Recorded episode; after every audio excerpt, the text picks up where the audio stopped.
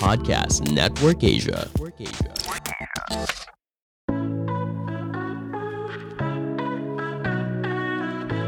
Selamat datang di AS Talk. Anissa Steviani Talk, podcast mingguan. Temanmu berbagi cerita seputar parenting, keuangan, dan perempuan yang relatable dan semoga bisa mencerahkan. Karena setiap cerita pasti punya makna.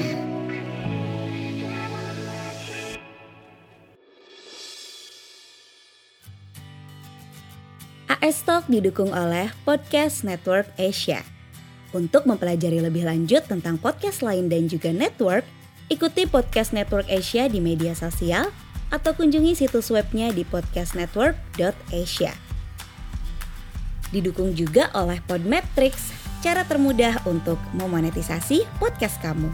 Daftar sekarang gratis di podmetrics.co.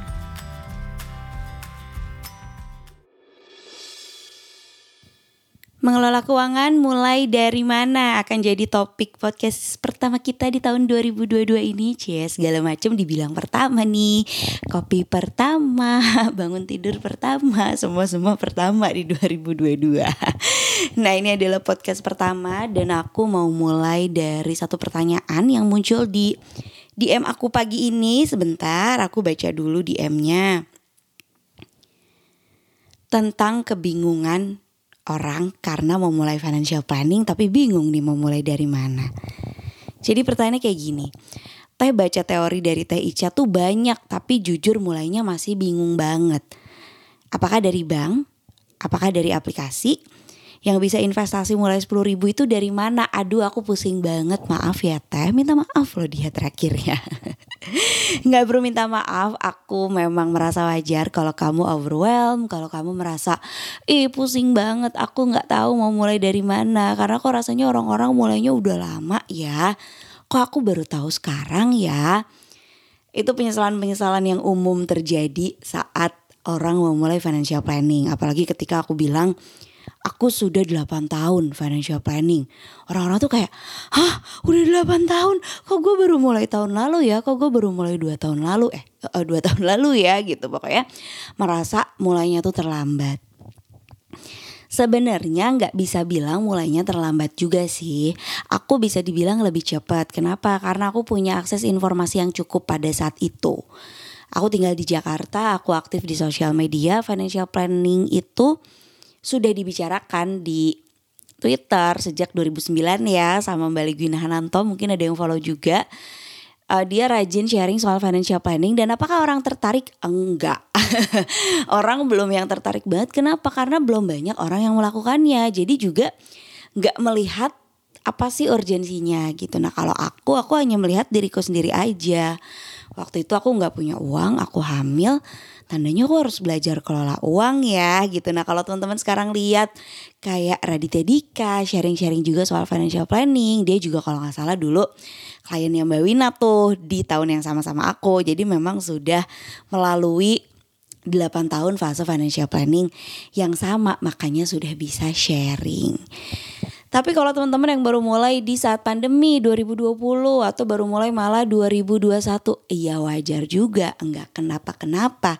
Karena pada saat pandemi kayaknya tuh trigger orang untuk mulai kelola uang karena disadarkan, oh ternyata pekerjaanku bisa hilang kapan aja ya. Oh ternyata PNS juga tunjangannya bisa dipotong saat pandemi oh ternyata orang-orang tuh bisa dengan gampang kehilangan pekerjaan, kehilangan orang tersayang, maka mengelola uang jadi urgent. Gitu, makanya wajar kalau kamu baru mulai saat pandemi ditambah lagi memang teknologinya baru nyampe nih. Jadi kalau dulu mau beli saham, mau beli reksadana, kita tuh harus berjalan manual. kalau mau beli reksadana itu jalan manual ke bank, Terus dikasih kertas, semuanya tuh formulirnya diisi di kertas, kita dikasih perbandingan. Return reksadana juga di kertas nih nggak bisa kita sort, nggak bisa kita filter. Karena ya teknologinya belum sampai, belum bisa beli reksadana online, belum bisa beli saham online. ya gimana mau online ya? Teknologi aja masih BlackBerry tuh waktu itu. Belum ada Android pun iPhone juga ya masih gitu-gitu aja gitu belum bisa sampai memudahkan segala lini kehidupan kayak sekarang jadi pertama aku mau bilang nggak apa-apa nggak perlu merasa terlambat yang penting kamu niat nih untuk mulai kelola dari sekarang Mulainya dari mana kak? Yang pertama adalah cek penghasilan kamu. Kalau orang bilang catat pengeluaran kamu semuanya. Ya catat mau nyampe berapa lama? Kamu mau nyatet satu tahun, dua tahun tapi nggak mengubah apa-apa juga agak percuma gitu ya dicatat. Jadi yang pertama tuh memang cek dulu apakah penghasilan kamu cukup untuk memenuhi semua pengeluaran kamu. Tahu dari mana? Dengan cara kamu harus tahu persis pengeluaran kamu tuh apa aja sih makan, bayar listrik, bayar sekolah anak, ngasih sama orang tua, beli bensin, transport, delivery makanan, semua kamu tulis. Habis itu kamu bikin budgetnya, bayar listrik biasanya berapa sih? Berarti budgetnya sekian. Belanja bulanan biasanya budgetnya berapa sih? Kamu disiplin sama budget itu. Nah, di titik ini kamu sudah akan menyadari apakah memang uang kamu cukup atau tidak. Kalau tidak cukup, tandanya kamu harus ngirit ada gak sih yang bisa dikurangi dari pengeluaran kamu? Kalau cukup dan berlebih, tandanya kamu bisa investasi dari si sisa uangnya. Kalau ngepas banget nih, ya nggak bisa. Kamu belum bisa investasi, kamu harus ngirit dulu atau tambah penghasilan dulu.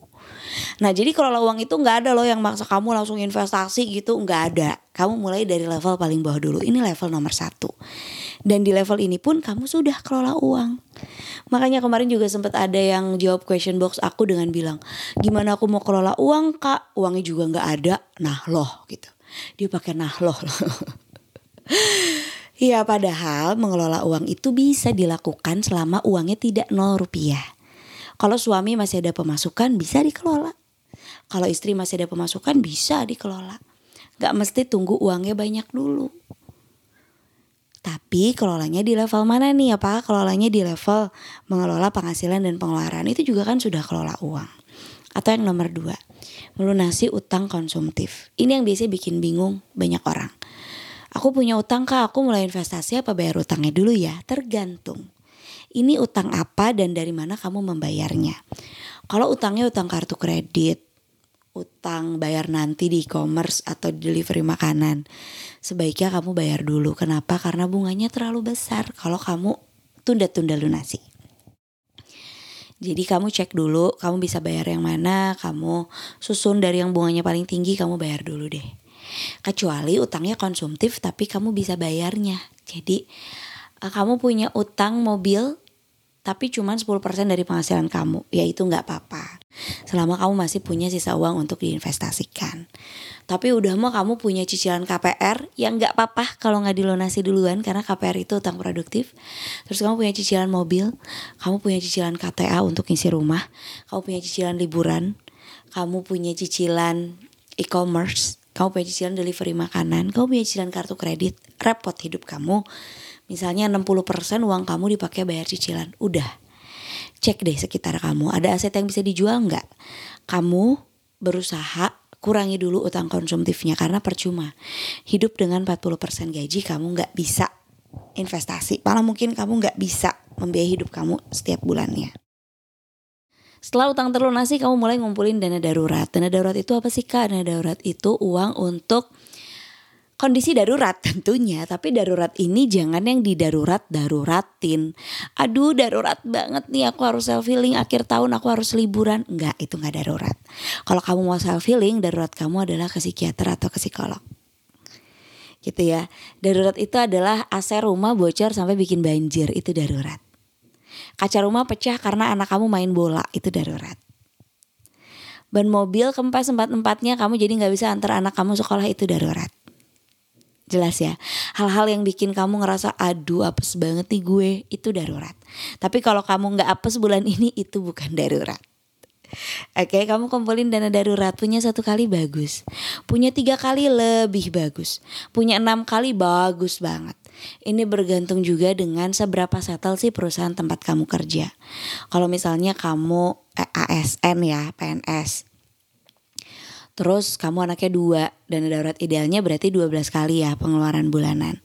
Tapi kamu ngerasa ah, kayaknya 6 kali juga cukup Kok aku kan gak bakalan dipecat. Enggak apa-apa boleh. Jadi kamu sendiri yang bisa menentukan berapa sih idealnya dana darurat kamu.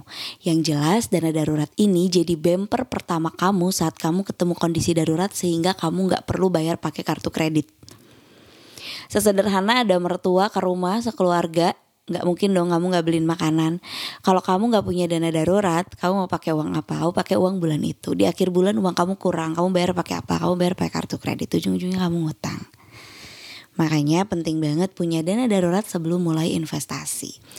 Jangan sampai kamu udah mulai nih ngumpulin dana pendidikan anak kamu, terus tiba-tiba rumah bocor, atapnya ambruk, terus kamu pakai dana pendidikan anak kamu buat benerin atap rumah karena kamu nggak punya dana darurat. Oke, okay, udah jelas ya sepenting apa dana darurat sebelum mulai berinvestasi. Setelah punya dana darurat apa? Bukan investasi dulu, tapi memastikan kalau kamu sakit, kamu tahu siapa yang akan bayar. Artinya minimal kamu bayar BPJS setiap bulannya ketika kamu sakit yang bayarin BPJS. Ketika kamu sakit sampai harus dirawat di rumah sakit yang bayarin asuransi kesehatan pribadi kamu. Atau worst case saat pencari nafkah utama di rumah meninggal dunia, suami kamu nih yang selama ini kerja mencari nafkah, lalu dia meninggal dunia, kamu punya asuransi jiwa. Kalau ini nggak kamu beli dulu. Maksudnya kalau asuransi nggak kamu beli dulu, kamu akan repot dan akhirnya investasi kamu terpakai. Contoh paling umum. Kamu punya rumah kedua, padahal kamu nggak punya dana darurat, kamu nggak punya asuransi. Ketika ada anggota keluarga yang sakit, kamu terpaksa menjual rumah itu. Nah makanya rumah itu ada di level paling tinggi tuh sebenarnya rumah kedua, rumah kontrakan, tanah gitu ya. Aset-aset yang uh, susah dicairkan itu tuh nanti di level terakhir. Karena banyak banget loh orang yang sakit terus harus jual aset. Orang yang sakit terus keluarganya jadi bangkrut karena jual rumah. Kenapa? Karena nggak punya asuransi. Karena nggak punya dana darurat. Sementara sakit dan meninggal dunia itu risiko hidup sebagai manusia yang kita nggak pernah tahu kapan datangnya. Aduh tapi aku jarang sakit kak Ngapain aku beli asuransi kesehatan pribadi Aku juga gak pernah dirawat di rumah sakit Ngapain aku beli BPJS kesehatan misalnya. Asuransi itu sesuatu yang kita beli tanpa kita pengen itu dipakai. Jadi kita beli kita anggap uang hilang. Kalau sampai dipakai tandanya kamu sakit dan kita semua nggak ada yang mau sakit. Ya kan? Makanya beli asuransi anggaplah uang hilang. Kalau sampai sakit, asuransi bayarin rumah sakit kamu. Kalau tidak sakit, ya bagus dong kamu sehat. Gitu. Dan asuransi ini sulit digantikan oleh tabungan kan banyak orang yang bilang aku nggak mau asuransi kak aku mau nabung aja gitu. Nah investasi ini nggak bisa menggantikan asuransi misalnya kamu menabung satu juta satu bulan untuk dana darurat kesehatan. Di bulan ke-6 kamu sakit, kamu butuh 60 juta untuk rawat inap. Uang dari mana? Uang kamu kan baru 6 juta, kamu baru mulai nabungnya selama 6 bulan kamu mungkin harus jual aset kamu, kamu harus mungkin minjem uang, kamu mungkin bayar pakai kartu kredit. Tapi kalau asuransi, kamu bayar satu juta tiap bulan. Di bulan ke-6 kamu sakit perlu 60 juta untuk rawat inap. Asuransi bayarin, kamu gak perlu kehilangan aset. Gitu, jadi memang beda fungsi ini antara investasi dan asuransi. Asuransi untuk hal yang tidak terduga, maka kita alihkan risikonya ke perusahaan asuransi. Investasi untuk hal yang terduga, pendidikan, pensiun, beli rumah, naik haji itu investasi. Nah, kalau sudah mulai di titik investasi, kamu punya uang yang cukup, investasinya apa dulu sih? Yang selalu jadi urgensi utama adalah dana pensiun. Kenapa? Kalian tahu sendiri banyak senior generation karena tidak menyiapkan dana pensiun. Jadi siapin yuk dari sekarang, kamu ngayal deh. Pensiun itu mau kayak apa? Pensiun mau punya peternakan, maka kamu mulai investasi untuk bikin peternakan pensiun mau keliling dunia, waduh uangnya dari mana? Kamu mulai investasi untuk uh, bisnis misalnya yang bisa menghidupi kamu keliling dunia saat pensiun. Abis itu dana pendidikan, dana pendidikan juga nggak bisa ditunda karena anak tuh deadline-nya pasti kapan dia akan SD, kapan dia akan SMP, kapan dia akan SMA, kapan dia akan kuliah. Gitu. Nah, habis itu baru deh beli mobil, beli rumah kedua mungkin naik haji gitu ya. Jadi setelah yang uh, investasi prioritas sudah terpenuhi baru kamu bisa ngayal mau beli apa aja. Nah yang namanya manusia kan ngayalnya tuh enak banget ya. Tapi aku mau beli rumah keduanya sekarang. Tapi aku mau beli tas itu soalnya ini udah cita-citaku tas itu dari aku kuliah aku harus punya saat aku kerja. Aku mau liburan keliling Eropa. Aku mau makan di mana lah yang mahal banget gitu. Ya aku cuma mau nanya aja sih uangnya punya atau enggak. Mengelola uang itu ujung-ujungnya balik lagi segala keinginan kamu tuh boleh asalkan kamu punya uangnya. Gitu, karena udah 15 menit nih, aku harap kalian udah nggak pusing lagi mau mulai kelola keuangan dari mana. Ikutin step by stepnya dari awal yang tadi aku jelaskan. Dan aku nggak bilang ini gampang, aku nggak bilang ini cepat. Aku aja ada di titik ini, titik settle keuangannya itu setelah enam tahun. Jadi aku sempat down lagi, aku sempat punya dana darurat nol lagi di tahun ketiga dan aku ngumpulin lagi dari awal. Jadi bukan proses yang instan, bukan proses yang gampang, bukan proses yang sebentar. Kalau kamu baru mulai terus ngarep langsung lancar, wah itu keren banget ya, ajaib kamu gak perlu latihan gitu. Financial planning itu perlu latihan, perlu pembiasaan, dan yang penting saat kamu sudah paham uh, ilmunya, sudah tahu mulai dari mana, kamu jalannya gak bakalan nyasar nih, meskipun kamu jalannya pelan-pelan. Oke, tapi kalau kamu gak punya financial plan, kamu jalannya ngebut, tapi kamu nggak tahu mau ke mana dan pada akhirnya kamu bisa jadi nyasar. Segitu aja dari aku, semoga bisa bermanfaat. Minggu depan kita ngobrol-ngobrol lagi ya. See you. Pandangan dan opini yang disampaikan oleh kreator podcast, host, dan tamu tidak mencerminkan kebijakan resmi dan bagian dari podcast Network Asia.